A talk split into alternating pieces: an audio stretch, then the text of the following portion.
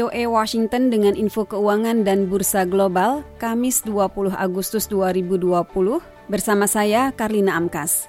Dalam perdagangan hari Rabu, pasar saham dunia umumnya ditutup bervariasi. Di Amerika, turunnya saham-saham populer seperti Coca-Cola pada Rabu siang ikut mendorong turunnya indeks rata-rata saham industri Dow Jones. Dan pasar saham berakhir melemah setelah Bank Sentral Amerika, Federal Reserve atau The Fed, menegaskan tantangan yang menghadang perekonomian.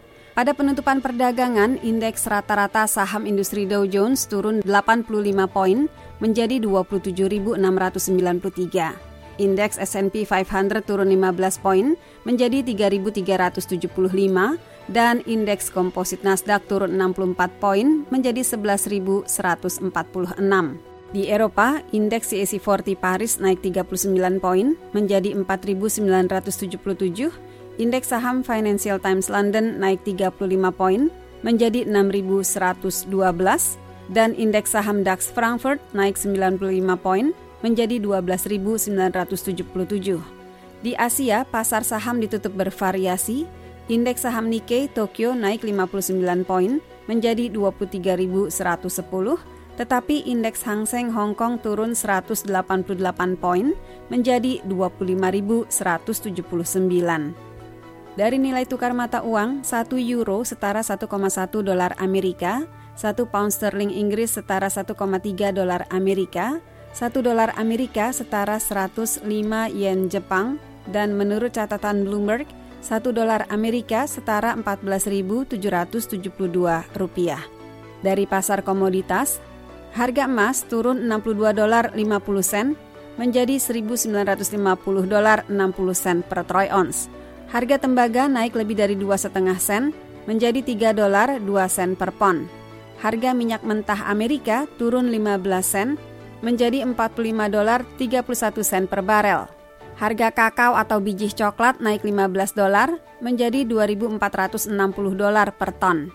Dan harga kopi turun hampir 2 sen menjadi 1 dolar 19 sen per pon. The Voice of America. Perusahaan pelayaran terbesar dunia, AP Moller Maersk yang berpusat di Copenhagen, Denmark, Hari Rabu mengatakan bisnisnya hanya turun sedikit dalam triwulan kedua walaupun pandemi COVID-19 mengacaukan permintaan global. Tetapi ditambahkan prospek perdagangan sangat tidak pasti. CEO AP Moller Maersk, Soren Sko mengatakan, mengingat kondisi ekonomi saat ini, bisnisnya tetap kuat. Kami berada dalam posisi yang baik secara finansial dan strategis untuk keluar dari krisis. Berita lain, pasar saham dunia menguat hari Rabu setelah S&P 500 mencatat rekor tertinggi sepanjang masa. Penjualan untuk penyerahan kemudian di Amerika kembali naik Rabu pagi.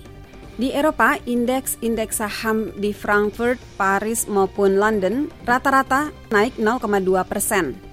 Ketegangan perdagangan antara Amerika dan Tiongkok meredam sentimen investor setelah Presiden Donald Trump mengatakan ia menunda pembicaraan pertemuan virtual yang dijadwalkan akhir pekan lalu.